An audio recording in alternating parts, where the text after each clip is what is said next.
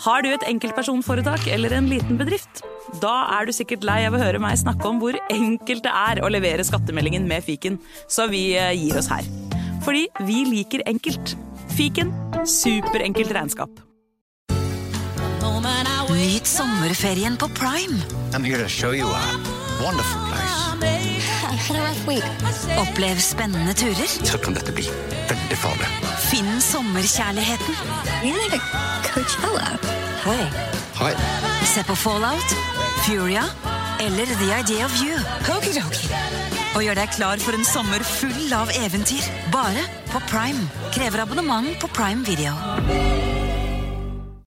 Klokka er sju om morgenen. Tirsdag den 9. april 1940. Det er en telefon som ringer. Det er hjemme hos banksjef Andreas Lund på Lillehammer. Andreas Lund tar telefonen, og den som ringer er sjefen hans. Det er sentralbanksjef i Norge, Nikolai Rygg. Rygg forteller Andreas Lund at Norge er i ferd med å bli invadert av tyskerne. Nå gjelder det å få reddet Norges gullreserve. Så lett skulle det ikke bli. Gulltransporten. Den utrolige historien om hvordan Norge så vidt klarte å redde Norges gull unna tyskernes klør. Gulltransporten er en miniserie som tidligere har blitt publisert i Untold. Men ut mai vil du få tilgang til denne, samt en rekke andre miniserier og ukentlige episoder av Moderne Medias podkaster. Hvis du liker det du hører, bør du laste ned Untold, eller gå til untold.app for å starte ditt abonnement i dag. Advarsel. I denne podkasten vil du høre historier basert på informasjon programlederne har funnet selv. Programlederne står ikke nødvendigvis inne for meninger og syn som fremstilles. Noen påstander kan avvike fra virkeligheten.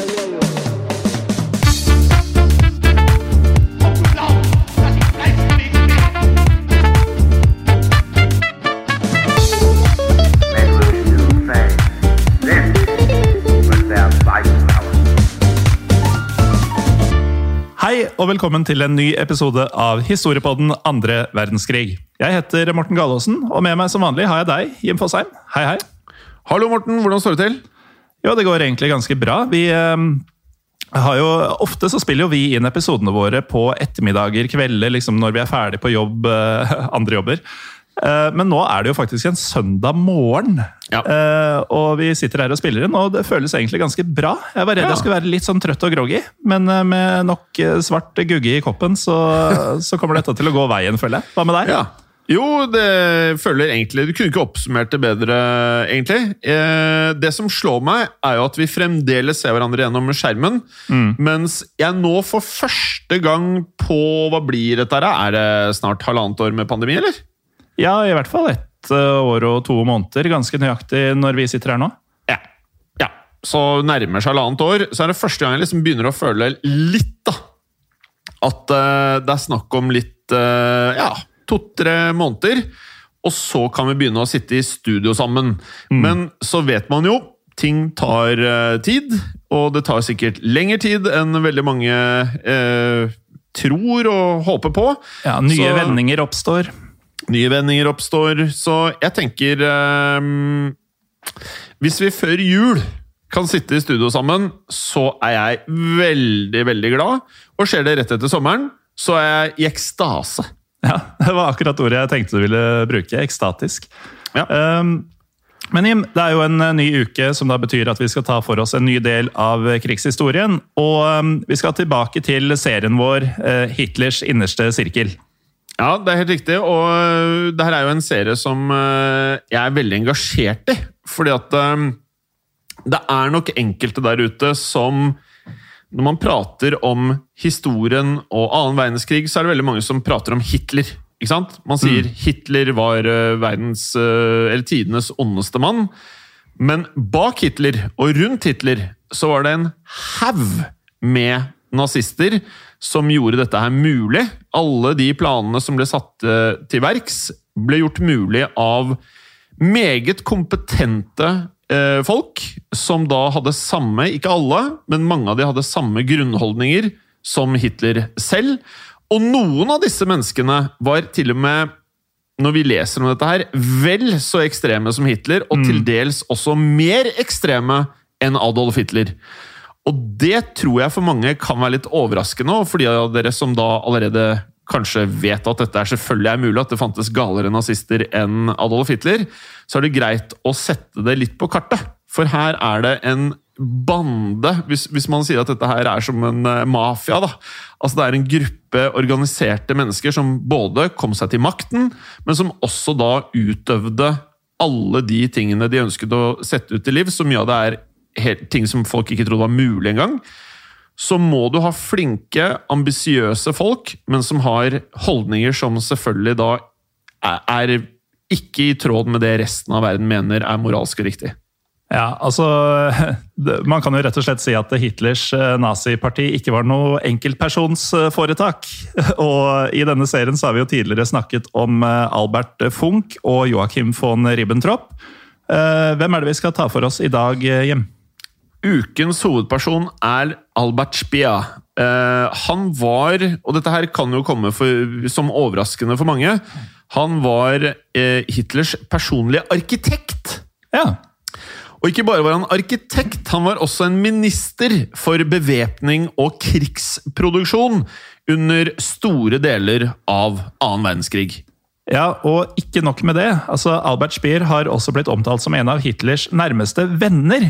Og ordet 'venner' det er jo liksom ikke et begrep man så ofte bruker eller hører om denne indre sirkelen, som jo var full av intriger og folk som egentlig ikke likte hverandre, og maktkamper osv. Og så får vi litt følelsen av at Hitler egentlig ikke hadde så mange venner. At han var eh, litt loner. Ja, det var liksom kolleger og allierte han hadde. Um, Rudolf Hess, som vi også har hatt en episode om, han prøvde jo lenge å opprettholde et slags vennskap med Hitler. Men uh, som dere kanskje husker fra denne episoden, så, så gikk ikke det spesielt godt for, uh, for Hess. Nei. Han, eh, Hitler syntes at uh, Hess var veldig slitsom og masete, og til slutt så kan man argumentere for om Hess ikke faktisk også blir gæren. Eh, men Albert Speer han skiller seg ut fra gjengen her. For Speer og Hitler hadde mange like interesser, som så mange som blir gode venner har. Og tilbrakte med det mye tid sammen utenfor kontoret, både hjemme og i Hitlers feriehus. Ja, og I senere tid så har flere hevdet at eh, en av grunnene til at Hitler og Speer kom så godt overens, var at Hitler egentlig hadde ønsket å bli arkitekt. Og brukte derfor Speer som en slags forbindelse til dette yrket som han hadde en så stor fascinasjon og forkjærlighet eh, til. Så stor fascinasjon skulle Hitler ha for dette her, at eh, det blir beskrevet som at de kunne sitte timevis av gangen og rett og slett bare diskutere ting som hadde med arkitektur å gjøre. Ja, og En annen ting Hitler var interessert i og involvert i, det var familielivet til Albert Speer. Eh, Og barna til Speer de eh, skulle da vokse opp og se på Adolf Hitler som en slags sånn koselig onkelfigur. Og det er jo veldig vanskelig å se for seg, og veldig spesielt. Men eh, hvordan Albert Speer faktisk endte opp som Hitlers eh, favorittarkitekt, er faktisk eh, litt tilfeldig. Ja, altså Vi kan jo starte der vi alltid starter, med begynnelsen. For Albert Speer han ble født eh, 19. mars 1905 i Mannheim i Tyskland. Og Alberts familie de tilhørte den øvre middelklassen, eh, noe som de bar sterkt preg av. Altså Dette var en familie som var formell, og som sjelden viste kjærlighet eller varme overfor hverandre. Og I tillegg til dette så var eh, Albert Spier også et ganske us eh, altså, usikker person som barn. Han ble nemlig mobbet av brødrene, som vi har forstått het Ernst og Herman, og begynte da i ung alder å slite med stamming. Ja, så Derfor så tilbrakte Albert mye tid ute av huset, og fikk bl.a. blant annet en stor interesse for fjellklatring. Han ble faktisk da ansett som en, eh, et naturtalent, altså en naturlig atlet, og skulle da senere bli involvert i å spille store mengder rugby. Ja, og I tillegg til å være fysisk robust, så var Albert også god på skolen, eh, spesielt i matematikk, og fortalte faren sin at eh, når han ble stor, så ønsket han å bli matematiker. Det ønsket han, noe som ikke falt i god jord på noen som helst måte hos Spea senior, som da var arkitekt, akkurat som Alberts bestefar også hadde vært. Ja, så Albert følte jo da at eh, yrket hans allerede var bestemt fra fødselen, og kanskje til og med før han ble født, og at eh, faren hadde veldig høye og da tydeligvis også veldig konkrete forventninger til eh, han. For Alberts far mente at det å være matematiker var et nobelt yrke, men at det ikke egnet seg for en mann som da ønsket å forsørge familien på en ordentlig måte. Nei, så Speer han tok farens oppfordring på alvor og la fra seg denne tanken om å bli matematiker. Ja, og da er vi kommet til 1922, for da begynte Albert å treffe en eh, jente ved navn Margaret Weber, som da var en eh, datter av en håndverker. Og familien Speer, som da var svært opptatt av hva andre syntes om dem, de mente da at Margaret ikke var egnet som en partner av Albert. Nei, altså, Vi nevnte jo at de var øvre middelklasse, familien Speer, og var veldig opptatt av nettopp det. Så Alberts mor spesielt, hun syntes da at familien Weber de tilhørte jo en annen klasse enn deres egen. Og derfor så mislikte hun dette forholdet sterkt. Men likevel, Morten, så endte dette paret opp med å gifte seg, og skulle få da seks barn sammen. Ja, så uh, Albert Speer hadde gått litt imot uh, familien, og spesielt moren, på ett sted. Men farens kontrollerende stemme den var i bakhodet, så i uh, 1923 så begynte Albert Speer på arkitektstudiet i Karlsruhe. Og han skiftet senere til tekniske fagskoler i München og Berlin. Og ble ferdig utdannet arkitekt, akkurat som uh, fars plan var, i 1927. Det stemmer det. Og i Berlin så hadde Speer studert under den tyske arkitekten Heinrich Tessenhoff, som han var stor fan av. Og Tessenhoff han var kjent for å ha en moderne, men også enkel stil, noe Speer lenge hadde beundret ved arbeidet hans. Ja, og I 1928 så ble Speer valgt som eh, Tessenovs nye assistent, noe som var en stor ære for den unge, aspirerende arkitekten. Og det var nettopp på denne tiden Morten, at Albert Speer for første gang kom i kontakt med den nasjonalsosialistiske siden av politikken. For han, som da flere andre i studentmiljøet, ble gradvis mer opptatt av antimodernistiske tanker og kritikk av kulturen. Ja, og det var da særlig kritikk av radikalisme, ytringsfrihet og eksperimentering i kunsten. Ja. Og denne antimodernistiske holdningen ble senere noen nazistene var spesielt opptatt av, og så på dette her som degenerert kunst. Ja, og Degenerert kunst er, sånn der, det er et uttrykk som nok kommer til å komme igjen i flere episoder. Det er litt sånn tungt og vanskelig å forklare. Men eh, det var da eh, det de tyske nazistene anså som da ikke-naturalistisk kunst. Eh, kunst som da hadde utviklet, utviklet, seg feil, og da kalte de det da at den hadde degenerert. Så dette tankesettet resulterte i at Speer tidlig i 1930 meldte seg inn i nasjonalsosialistenes paramilitære kjøretøyorganisasjon, NSKK som da sto for uh, Nationalsocialistisches Automobilkorps. Å, flink! Uh, og dette korpset lærte medlemmene kjøreferdigheter og vedlikehold av kjøretøy, og skulle være et uh, ja, motorisert korps under SA, som står for Sturmabteilung. Jeg syns vi treffer bra på tysken vår i dag. altså. Ja, veldig bra. Og Speer han ble da leder for sitt lokallag av dette, og knytta gode kontakter i partiet. Og Senere det året så ble han spurt om å bygge om en villa til et partikontor, noe han selvfølgelig takket ja til. Ja, han gjorde det. For Speers tilhørighet til partiet ble nå sterkere og sterkere, og spesielt mot slutten av året, da han deltok på et arrangement i Berlin, der faktisk da Adolf Hitler talte. Ja, og der ble Speer imponert over Hitlers lovnader om et nytt Tyskland, og i mars 1931 så ble han medlem av partiet. Og da som følge av den økonomiske depresjonen som da herjet i Tyskland, var det færre tilgjengelige stipender for folk å få, og Speer endte da opp med å slutte i assistentstillingen hos Tessenov, og flyttet med det tilbake til Mannheim. Ja, og I Mannheim så håpet Speer på å kunne leve av å være arkitekt i byen, men det gikk ikke som planlagt. Faren hans endte i stedet for opp med å gi han en deltidsstilling i sitt firma, slik at eh, Albert Speer kunne forsørge sin familie.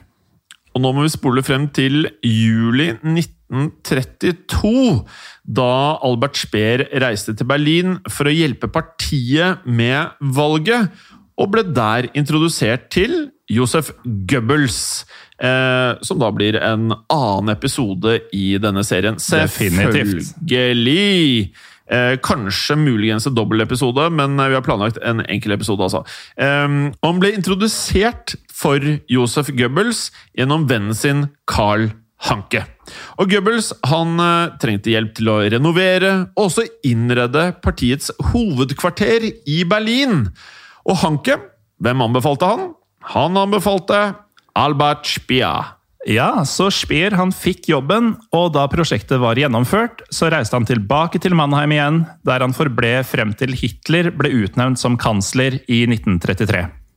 Og Goebbels han hadde vært eh, svært, svært fornøyd med renoveringen, og ga da Speer et eh, nytt oppdrag, nemlig å innrede det nye propagandaministeriets bygning og ministernes egen residens. Og dette her er høyt på listen over oppdrag, vil jeg anta på denne tiden.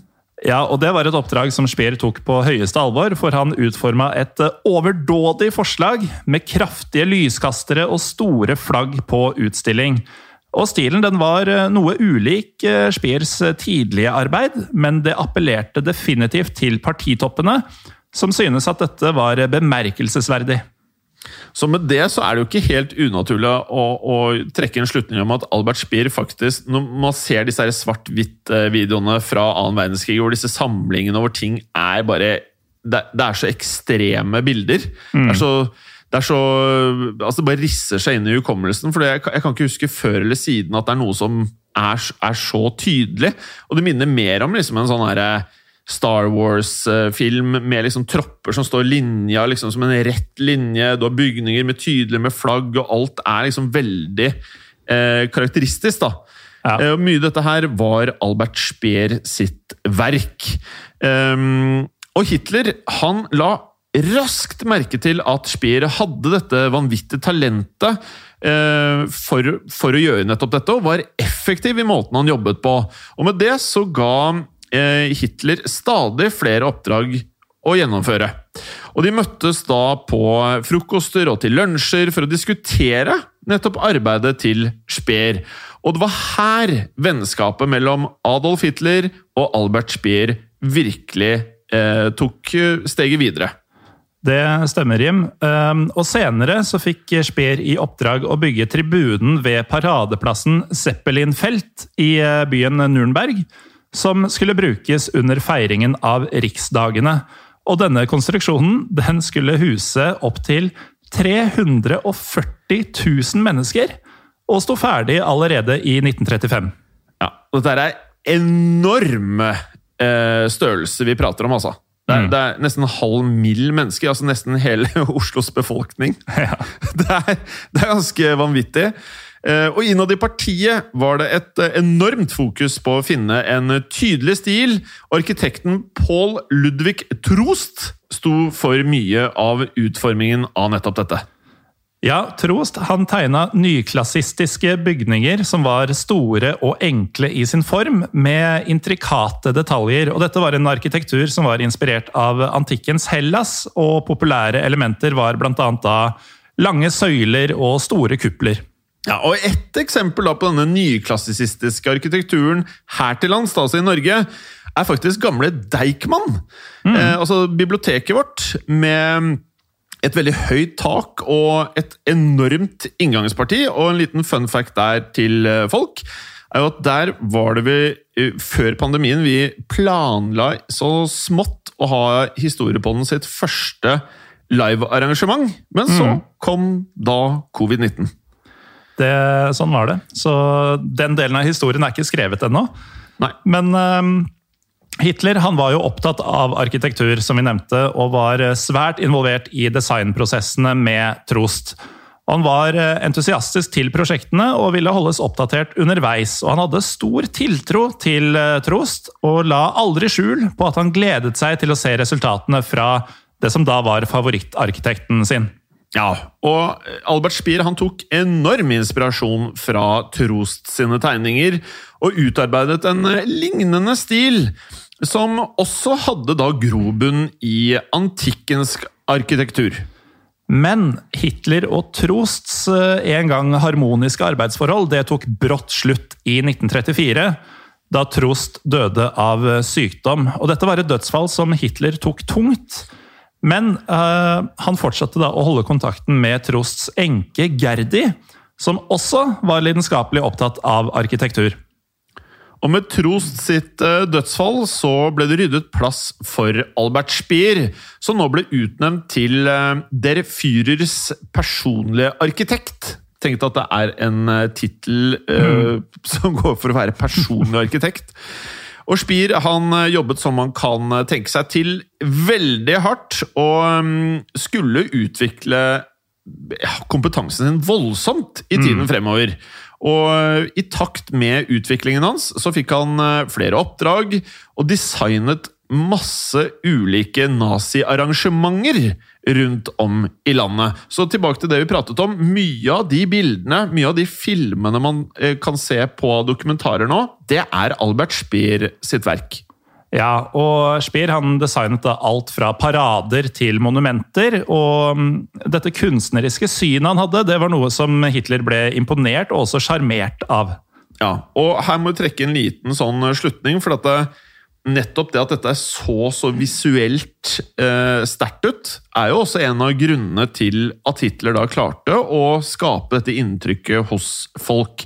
Omsider få den makten han fikk. Så Albert Speer er en viktig, viktig mann i hele denne, dette naziregimet. da. Definitivt. Og en annen ting, når du er dere Führers personlige arkitekt, så får du vel mer eller mindre ubegrenset med fullmakter og ressurser til å gjøre akkurat det Hitler ville at du skulle gjøre. Ja, og han ble også utnevnt som generalinspektør for byggvesenet i Berlin, og fikk da i oppgave å utarbeide Tysklands nye arkitektoniske stil, da selvfølgelig i samråd med sin gode venn Adolf Hitler. Ja, og her er en liten sak, da. Hitler hadde nemlig siden sin ungdom vært veldig fascinert av klassisk arkitektur. Og med det så følte han at Albert Speer var personen som kunne gjøre hans eh, drømmer, altså byggdrømmer, til en virkelighet.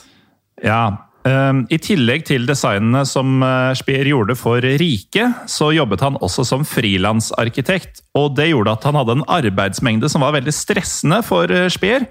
Ehm, og Speer ble da stadig overrasket over hvor mange henvendelser, hvor mange oppdrag han fikk, eh, og hvor mange plikter han måtte utføre. Ja, og da skjønner man jo med en gang at eh, når man prater om arbeidsnarkomane Dette var Speer sitt eh, liv. Han kommer sent hjem på kveldene og skal angivelig ha hatt veldig lite tid til å kommunisere noe som helst med sin egen familie. Nei, Han var kanskje mer opptatt av eh, vennskapet med Hitler, for Hitler og Speer de jobbet godt sammen og delte mange av de samme visjonene for Tyskland. Så eh, på privaten så møttes de oftere og oftere, og Albert Speer og kona Margaretes hus lå kun noen hundre meter fra Hitlers feriehus Berghof. Er riktig, det. Eh, Albert Speers barn vokste opp eh, omtrent i eh, ja, må kunne si i Hitlers innerste sirkel, de også. Og lekte faktisk da annet med barna til en annen eh, viktig nazist, Martin Bormann.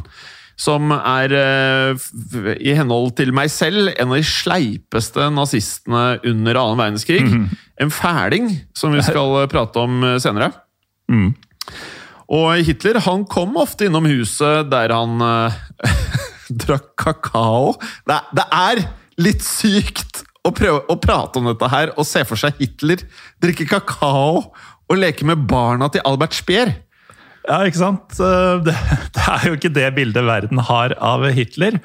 Og um, ved mer formelle anledninger så ble barna kledd opp i finstasen og spiste middag sammen med Hitler og Eva Braun i Berghof. Um, og Margarete, altså kona til Albert Speer, hun var for øvrig også god venninne med Eva Braun.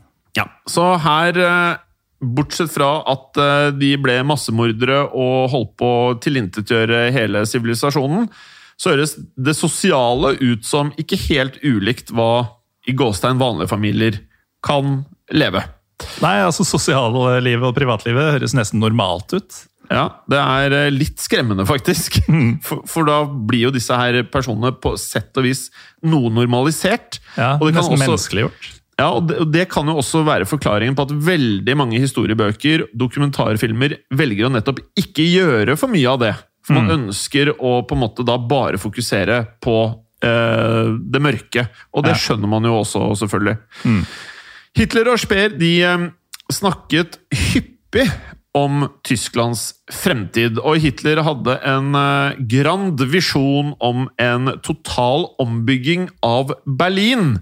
Han ville at byen skulle fungere som en verdenshovedstad, eh, og nå må vi huske på at eh, dette er før krigen, og allerede her så sitter de og planlegger hvordan Berlin skal være midtpunktet til hele verden, og skulle fungere som en nevnt verdens hovedstad under navnet Germania.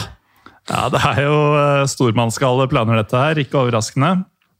Og For å virkeliggjøre denne visjonen så ble Speer utnevnt til generalbygginspektør for rikshovedstaden Germania i 1937.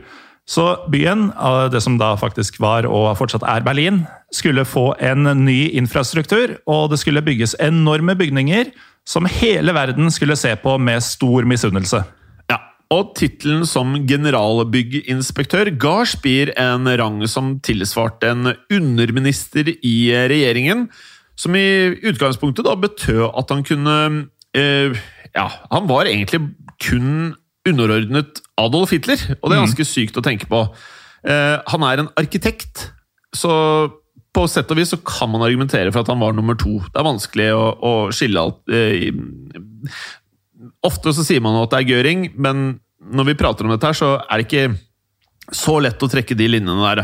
Han Nei. fikk eh, mer eller mindre frie tøyler, så lenge Hitler var eh, enig i forslagene, selvfølgelig, da. Ja, Um, I midten av Hitlers nye Germania så skulle det være en, um, en enorm kuppelbygning uh, kalt uh, Voxhalle.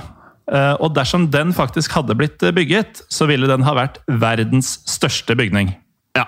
uh, og etter krigen brøt ut i 1939, fikk Spiers um arbeid gradvis et uh, mer politisk preg. For i takt med at Tyskland fikk mer makt, kunne Speer da trappe opp Germania-prosjektet, som tross alt var det viktigste for Hitler. Ja, og Speer han planla da at den største delen av byggingen skulle starte så fort krigen var over. Men før den tid kom, så var han jo nødt til å få tak i arbeidere. Ja, og Speer han hentet inn eh, ekstra arbeidskraft som eh, for det meste var eh, ufrivillig. Altså De aller fleste arbeiderne som ble hentet inn, var sovjetiske krigsfanger. Ja, og mye av forberedelsene til fremtidig arbeid, altså det som skulle gjøres etter krigen, det gikk ut på å klargjøre områder som skulle bygges om.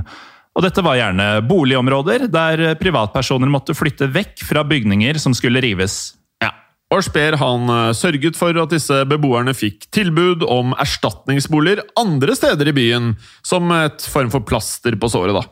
Ja, men her var det et lite problem, og det var jo at Speer han hadde ikke tilgang til noen ekstra boliger.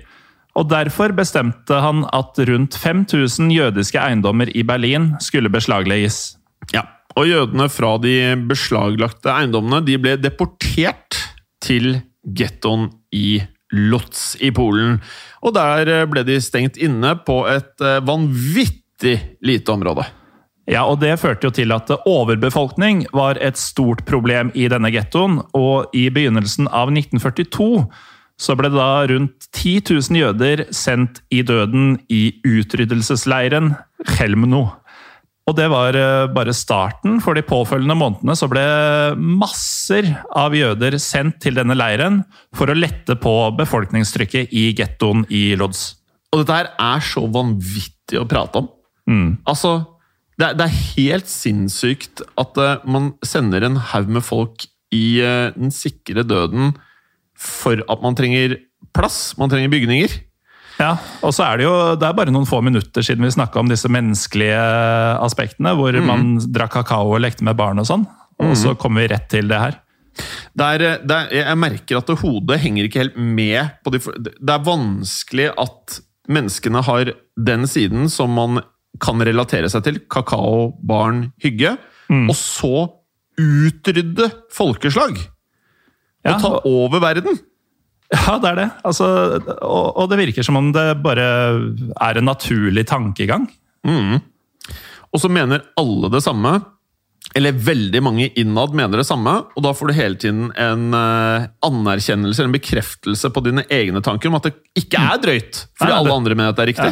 Ja, ja ikke sant? Så eh, Samme året så fikk Speer ansvaret for å reparere og utvide jernbanenettet i Sovjetunionen, som gjorde at Speer jobbet tett med en person ved navn Fritz Tott, som da var rustningsminister. Ja, men det var et samarbeid som ikke skulle vare særlig lenge, for Tott han omkom i et mystisk flykrasj i februar det samme året. Eh, Og da bestemte Hitler at Speer skulle ta over stillingen hans. Og hvordan ting utviklet seg for Speer i denne nye stillingen, det får dere høre etter en kort pause. Velkommen tilbake. Fritz Tott har akkurat omkommet i en flyulykke, og Adolf Hitler har utnevnt sin gode venn Albert Speer til ny rustningsminister. Ja, og dette flykrasjet som du beskrev, Morten, eh, har Speer senere omtalt i bøkene sine. Og her har han antydet at han ikke trodde at flyulykken hadde vært et eh, uhell, men heller et planlagt attentat. Ja, og det, kan jo kanskje, det er en teori som kanskje forsterkes ved at eh, folk ble sjokkert over at Hitler bestemte seg for at det var Speer som skulle ta over jobben. Eh, At det var Speer som da hadde blitt utnevnt som da rustningsminister. Ja, for Albert Speer hadde sagt at han ikke visste noe om våpenproduksjon, og at han slettes ikke forsto hvorfor det var han som skulle få jobben. Men Hitler han hadde fortalt Speer at han visste at han skulle få det til. Og at han kjente Speers arbeidsmetoder fra andre områder godt nok til å ikke være bekymret. Ja, og Herman Göring, som vi da nevnte tidligere, var eh, etter hva vi forstår For det, det, det her er liksom viktig med disse episodene. Man må forstå at alle disse gale nazistene her, de kjempet om makt. Det er akkurat som, et, eh, et, eh, som en bedrift med spisse albuer. Altså Du ønsker deg opp på toppen, og alle ønsker gunsten fra han som er helt øverst. Og Herman Göring her, han likte jo dette særs lite, og ble egentlig mm, er ordet snurt Jeg vet ikke om jeg kan bruke det her, men han, ble, han var ikke fan av dette her. Altså, sånn man kjenner og kommer til å bli kjent med Herman Göring, så syns jeg snurt er et ord som kanskje føles naturlig å bruke. Men eh, Speer han eh, fikk da denne jobben, Göring eh, forble snurt. Og Speer ble også leder av organisasjon TOT, som jobbet med en rekke store utbyggingsprosjekter. Ja, han gjorde det. Og Speer han var verken ingeniør eller spesialist på dette området. Ble, ble valgt da til rollen pga. sine organisatoriske egenskaper. For um, han hadde vist gang på gang at han var en egnet leder gjennom flere av de andre byggprosjektene. Og dette her er jo noe vi merker at disse nazistene er veldig opptatt av. Eh, det er viktig med masse folk som har disiplin, og som har høy, høy, høy, høy grad av gjennomføringsevne. Ja, og med tiden så skulle Speer også bli krigsøkonomiens mektigste mann. Han eh, fokuserte spesielt på å tilpasse økonomien etter krigens behov, og Hitler synes denne omstruktureringen var fantastisk. Om han gjorde. Hitler gikk faktisk så langt som å kalle det for Spir-revolusjon. Eh, altså en revolusjon kalt Spir. Og grunnen til dette var nettopp det at eh, produksjonstallene av både fly, stridsvogner og våpen gikk rett i taket. Og selv om Speer eh, egentlig var en litt beskjeden mann, så ble andre personlighetstrekk mer tydelige med årene.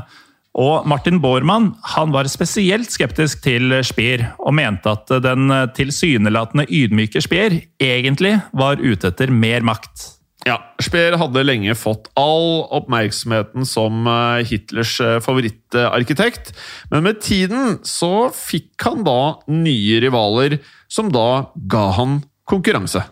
Ja, annet en arkitekt ved navn Herman Giesler sikret seg flere oppdrag i riket, Og det irriterte Albert Speer. Eh, al- altså Speer, det har vi nevnt, han slet med en stor arbeidsmengde, nesten umenneskelig arbeidsmengde. Men ville samtidig ikke tape oppdrag til oppkomlinger som gisler. Det høres nesten som at alle disse nazistene rundt Hitler Det, det føles som en besettelse om å være rett under Hitler hele tiden og alltid ha hans gunst. Det er nettopp det. Og Speer, som vi da har nevnt, ingen av disse nazistene hadde ikke fiender. Og Speer han var intet unntak. Han hadde også uvenner og fiender. I blant flere av disse navnene blir jo da episoder i Hitlers innerste sirkel. Noen av disse er da Wilhelm Keitel, Hans Lammers og nevnte Martin Bormann, som alle sto Hitler svært nært. eh, For de mente at Speer presset frem sin egen politiske agenda. Eh, og at han stort sett gjorde som han ville, så lenge han da fikk Hitlers samtykke, som var relativt ofte. Men i begynnelsen av 1944 så ble Spier alvorlig syk og ble tvunget til å for en gangs skyld holde seg i ro. Han hadde fått eh, et oppsvulmet kne og senere også et oppsvulmet ben, som gjorde at han ikke klarte å arbeide. Ja. Jeg hadde tenkt sånn, for disse gutta har en oppsvulmet kne og ben. Høres ikke ut som det kan stoppe deg. Nei, ja, men det er det, det, er, det er det historien sier. Eh, men en annen ting historien sier også, er at Speer var tydelig overarbeidet, og at han var med dette her da, borte fra jobben i faktisk så mye som et helt kvartal. Altså tre måneder! Og det setter jo spor. Ja, for vi nevnte jo disse nye uvennene og fiendene hans. eh, Og mens Speer da var borte såpass lenge, så hadde da de nevnte Keitel, Lammers, Bormann og Göring spredt eh, sladder om Speer, som gjorde at Speers forhold til Hitler ble svekket. Ja, og vennskapet deres ble mm, allikevel bedre med tiden, men det ble aldri som det hadde vært en gang i tiden. Nei, og det samme året så mistet også Speer da plassen som Hitlers favorittarkitekt til nevnte Giesler. Ja, og Speer skal angivelig ha akseptert dette nederlaget, og fokuserte med det heller på jobben som rustningsminister. Ja, og som mange andre av disse toppledende nazistene, så var Albert Speer opptatt av å utvikle et såkalt wunderwaffe, eller mirakelvåpen, som vi jo har Det er et uttrykk vi har brukt tidligere, Jim. Ja, og for å utvikle disse wunderwaffene, så etablerte Speer et Og dette er så nazi. Et underjordisk bygningsanlegg der tusenvis av tvangsarbeidere da jobbet eh, døgnet rundt under, som man kan se for seg, vanvittig dårlig, nærmest elendige forhold. Ja, altså For å sette det litt i perspektiv, så er det da før eh, dette anlegget faktisk var bygget ferdig og, og det ordentlig tunge arbeidet kunne begynne. Altså Bare under bygginga av anleggene så døde minst 3000 fanger av utmattelse og underernæring. Vanvittige tall. Det er helt vanvittige tall. Og, det, og, det, og det, Vi kan jo enkelt se for oss at det er med massivt med mørketall. Kanskje er det 6000, kanskje Ja, er det ja, ja. 10 000. Um, men det ble ikke funnet opp noe eh, wunderwaffe, altså mirakelvåpen, i disse underjordiske anleggene, noe man sikkert er mer enn glad for i dag. Og Speer innså at eh, produksjonsnivået hadde nå begynt å dale for alvor. Og En annen ting Speer hadde innsett, var at det nå nærmet krigen seg slutten, og at Tyskland var på vei mot et sammenbrudd. Og selve evnen til å opprettholde transportflyt og produksjon forsvant totalt da allierte styrker invaderte Tyskland i mars og april 1945. På dette tidspunktet så hadde Speer endret kurs og akseptert at Tyskland var i ferd med å tape krigen. Og med det så engasjerte Speer seg derfor i å ivareta befolkningens behov, og prøvde å planlegge en eh, form for gjenoppbygging av samfunnet etter krigen. Og det er jo å se litt fremover i tid. Ja, Hitler på sin side han hadde en helt annen plan. Han ville ødelegge all infrastruktur som kunne være brukbart for de allierte styrkene, og beordret at eh, fabrikkanlegg skulle bli ødelagt. Ja, Så de var, eh, hadde ganske ulike syn her. Altså totalt motsatt, faktisk. Og Albert Speer blir beskrevet som å ha vært lojal til siste slutt, og fløy faktisk inn i eh, eh, Berlin kun noen få dager før Hitlers angivelige selvmord, for å da være sammen med Der Führer i eh, den siste perioden. Ja, og etter Hitlers selvmord så overtok Karl Dönitz som Tysklands president og etablerte sin egen regjering. Ja, og Speer han ble utnevnt som minister for både økonomi og også produksjon av mat, landbruk og skog. Og Den nye regjeringen fungerte da helt frem til 23. mai, da Albert Speer og de andre regjeringsmedlemmene ble arrestert av britiske styrker. Og ved denne arrestasjonen så svarte Speer på alle spørsmålene han fikk, men eh, tenkte jo da ikke selv at han var en del av krigens største forbrytere. Så han solgte seg i stedet for inn som mannen som skulle bygge opp Tyskland etter krigen. Ja, man kan vel her si at han eh, hadde et relativt forvrengt bilde av sin egen rolle. Og ble også svært overrasket da han så navnet sitt på listen over forbrytere som da skulle stilles for retten i Nürnberg.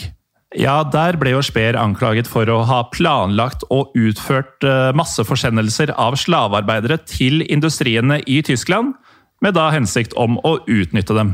Ja, Anklagen den var jo selvfølgelig svært alvorlig, og i verste fall så kunne dette ende med at han ble dømt eh, til døden. Ja, og Speer diskuterte disse anklagene med flere av barna sine, og alle forberedte seg på at eh, dødsdom det kunne være en mulighet. Ja, så definitivt. Og Speer han eh, hadde en opptreden i eh, retten som bar preg av at han ønsket å skille seg ut fra de andre tiltalte som var der. Han var nemlig rolig, han tenkte seg nøye om og ga svært reflekterte svar, som da imponerte Angivelig imponerte flere i rommet.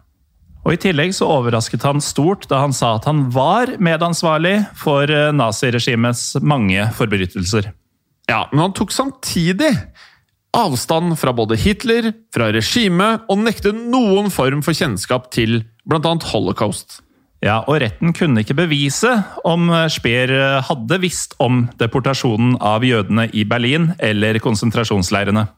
Ja, så Speers eh, skjebne i eh, retten den ble reddet av et kompromiss mellom den amerikanske og den sovjetiske dommeren, som ønsket dødsstraff, og den britiske og franske, som ville ha 15 års fengsel.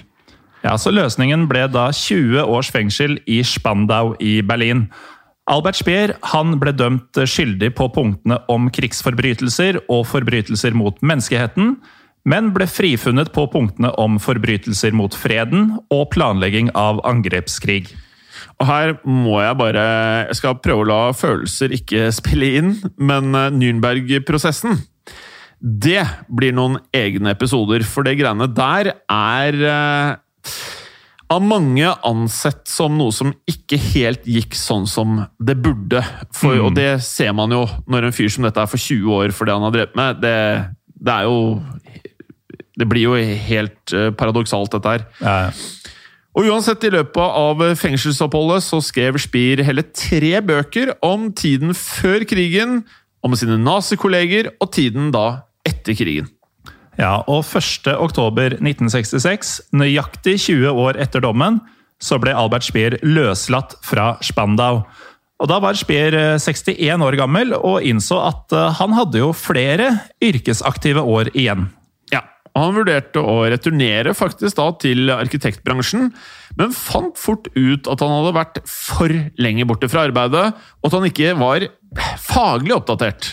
Og I tillegg så visste han at han ville jo bli assosiert med de mange byggeprosjektene fra tiden i Det tredje riket, og det ville da bli vanskelig å bli ansett som en moderne arkitekt. Ja, og som vi pratet om, så hadde jo da Speer skrevet på flere bøker siden Nürnberg, og fikk fort en bokavtale med et eh, forlag etter løslatelsen. Og Speers 600-siders selvbiografi viste seg å bli en internasjonal bestselger, altså en stor suksess, og skulle da videre bli oversatt til 18 språk. Speer overrasket i boken ved å klandre både seg selv og Hitler for nazistenes handlinger. Han skrev åpent og ærlig om hvordan han sakte, men sikkert ble omfavnet av nasjonalsosialismen, og hvordan det påvirket både tankesett og ideologier. Ja, Dette var en bok som ble litt polariserende, fordi mange mente at Speer beholdt både integritet og troverdighet gjennom boka, mens andre mente at Speer eh, prøvde å renvaske navnet sitt. Og Speer antydet at han hadde manglende kjennskap, eh, igjen som han har sagt i Nürnberg, til folkemordet på jødene, og sa selv at han ikke hadde gjort noen forbrytelser gjennom boken sin. I 1975 så ga han ut en oppfølger til denne boka som handla om oppholdet i fengsel i Spandau. Og denne boka solgte nesten like bra som den første, og skapte store diskusjoner som gjorde at den etter hvert solgte enda bedre.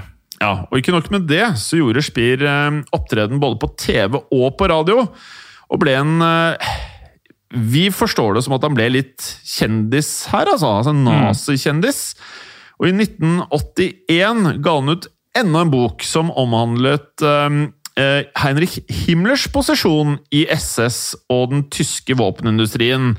Boken ble riktignok ingen suksess sammenlignet med de andre bøkene, men Spier fortsatte iherdig med å skrive. Ja, og I denne boka om Himmler så avslørte Spier bl.a. at han hadde trodd at Heinrich Himmler ville drepe han under krigen. Altså at Himmler gikk med planer om å drepe Speer under krigen. Altså Det her er så vanvittig, for det, det er her man skjønner at det her er egentlig som en mafia. Altså Alle var ute etter hverandre. Ja, Nå begynner han å bli litt for mektig, så han må ta seg dage. Mhm.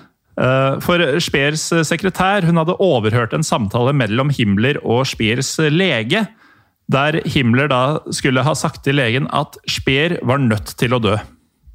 Ja, eh, Men allikevel så begynte den offentlige interessen for Spier å dale.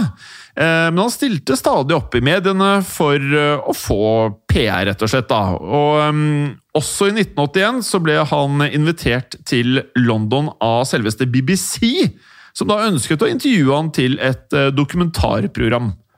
Ja, og Etter intervjuet var gjennomført, så reiste han tilbake til hotellet og gjorde seg klar for å reise hjem igjen til Tyskland. Men noen timer senere så ble han rammet av et hjerneslag. Ja, og han ble så sendt til sykehus, men de klarte ikke å redde livet hans. Slik at eh, Albert Speer han eh, døde her og ble gravlagt på en eh, privat seremoni i Heidelberg i Tyskland. Og Medieomtalene om Speers død de var svært respektfulle, ettersom han lenge nå hadde framstått som en trist og angrende mann. Og Han hadde også donert penger til jødiske formål, og ga et uttrykk for at han eh, motsatte seg det han hadde gjort i fortiden sin. Ja. Det skulle ikke ta lang tid før eh, ja, fremstillingen hans som en angrende mann skulle slå sprekker. For året etter dødsfallet kom det frem opplysninger som eh, viste at han aktivt hadde holdt sin medvirkning i utkastelsen av jøder i Berlin skjult for alle. Ja, I senere tid så har det også fremkommet eh, dokumentasjon som viser at han var en drivkraft for tvangsarbeidskraft, som viste at han hadde mer kjennskap til forholdene i konsentrasjonsleirene enn han hadde røpet eh, tidligere. Ja, og for eh, da å ha vært Hitlers eh, favorittarkitekt, hadde han heller ikke mange ja, arkitektoniske bragder å vise til heller. Nei, for de eneste konstruksjonene som Speer faktisk fikk bygget, det var eh, Tempelhof eh, lufthavn, som i dag er en park, og det nye Rikskanselliet.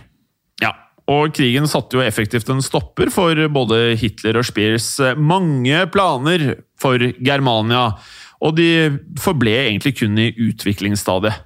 Ja, og En av Speers sønner, eh, også kalt Albert, han ble også arkitekt. Altså fjerde generasjons eh, arkitekt eh, Speer. Og hadde stor suksess i bransjen. Og han hevdet at han ikke ble arkitekt pga. faren, men at han anså sin far som en talentfull arkitekt som var mye mer moderne enn hva folk trodde. Albert jr. fortalte at han brukte store deler av livet sitt på å distansere seg fra faren, farens omdømme, men eh, han hatet på ingen måte faren sin. Og med det, Morten, så føles det ut som at eh, Albert Speer egentlig aldri fikk som fortjent etter krigen. Nei, det kan du trygt si. Altså, dette var en mann som eh, ikke bare gjorde mye galt, men som også Altså, han Det var ingen grenser for hva han gjorde for å unngå å bli tatt for ting. Og i likhet med masse nazister etter krigen, så er det en haug av folk som har sluppet unna. Og i de episodene Morten, som vi skal ha om eh, selve Nürnberg-prosessen, det kan bli relativt emosjonelt, for det er jo her de som har gjort eh, og forvoldet alt det onde under annen verdenskrig, skulle få som fortjent. Mange gjorde ikke det, og man kan eh, også argumentere for at det var veldig mange som da levde et normalt liv etter krigen, på tross av alt det onde de da foretok seg under annen verdenskrig. Ja, og Den type historier kommer til å komme en del av framover. For vi vil jo ha episodene om Nürnberg-prosessene, men vi vil også ha flere i denne serien om, eh, om Hitlers innerste sirkel, hvor, som du sier, eh, absolutt ikke alle fikk eh, som fortjent. Men eh, inntil eh, neste gang så mm, er det jo bare å nevne at dersom man har noen innspill, eh, kommentarer, forslag til nye episoder, hva det skulle være, så har vi en Facebook-gruppe som, som stadig vokser både i medlemstall og aktivitet, som heter Historie for alle. Og der råder vi dere til å dele masse historier. Altså, Det er ikke noe høy terskel i hele tatt. Bare del historier. Send linker til artikler som andre kan lese. Og bare del. Og det trenger ikke å være om krig, altså. Selv om dette er historie på den andre verdenskrig. Det kan være om all slags historie. Få det ut til folk, eh, og være med å skape en, eh, ja, et sted på Facebook der vi kan diskutere historier generelt. Og med det, Morten, det har skjedd. Og det kan skje igjen. Husk det. Ha det bra! Ha det! I produksjonen av Historiepodden så ønsker vi å takke Håkon Bråten for lyd og musikk. Takk til Felix Hernes for produksjon. Takk til Ellen Froktenestad for tekst og manus.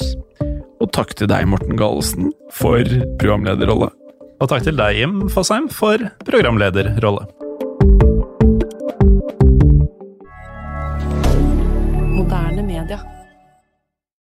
Hei, og takk for at du hører på denne podkasten. Bøddel er en miniserie som tidligere har blitt publisert i Untold, men ut mai vil du få tilgang til denne samt en rekke andre miniserier og ukentlige episoder av Moderne Media sine podkaster. Du finner Bøddel og andre podkaster som Henrettelsespodden helt reklamefritt i Untold. Som en liten smakebit så får du hver uke i mai en ny episode av disse podkastene, som vanligvis kun er tilgjengelig for Untold-abonnenter. Hvis du liker det du hører, så bør du laste ned Untold, eller gå til untold.app for å starte ditt abonnement i dag. Hei, Fredrik og Bjørn Henning her. Vår nye podkast Fordomspodden den er ute nå. Podkasten der norske kjendiser møter seg selv i døra. Har Kristin Gjelsvik alltid drømt om å lære seg å jodle?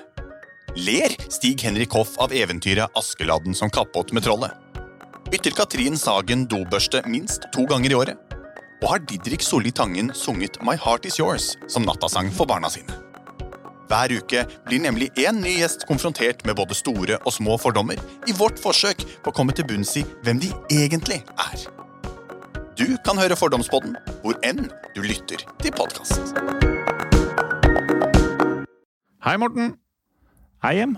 Og hei til deg som eh, hører på. I eh, dag så har vi en eh, stor overraskelse til dere alle sammen. Det har vi, for eh, vi har bestemt oss eh, for å gi dere som hører på en liten smakebit på hva man får med abonnement i Untold. Det er helt riktig, men eh, hva er eh, Untold, Morten?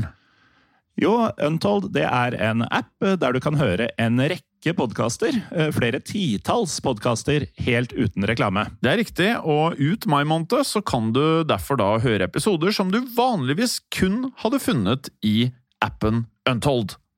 Ja, for eh, som Untold-kunde så får du nemlig en ny, reklamefri episode av Historiepodden andre verdenskrig hver eneste uke hele året. Ja, og i Untold så får du også ukentlige episoder av Henrettelsespodden og Historiepodden blant flere, samt også da miniserier som Gulltransporten og Historien om Henry Rinnan. Og apropos Historiepodden, Jim, så er det snart eh, 17. mai. Og i Historiepodden så vil man kunne høre episoden om torgslaget i Kristiania i forbindelse med nettopp eh, den datoen.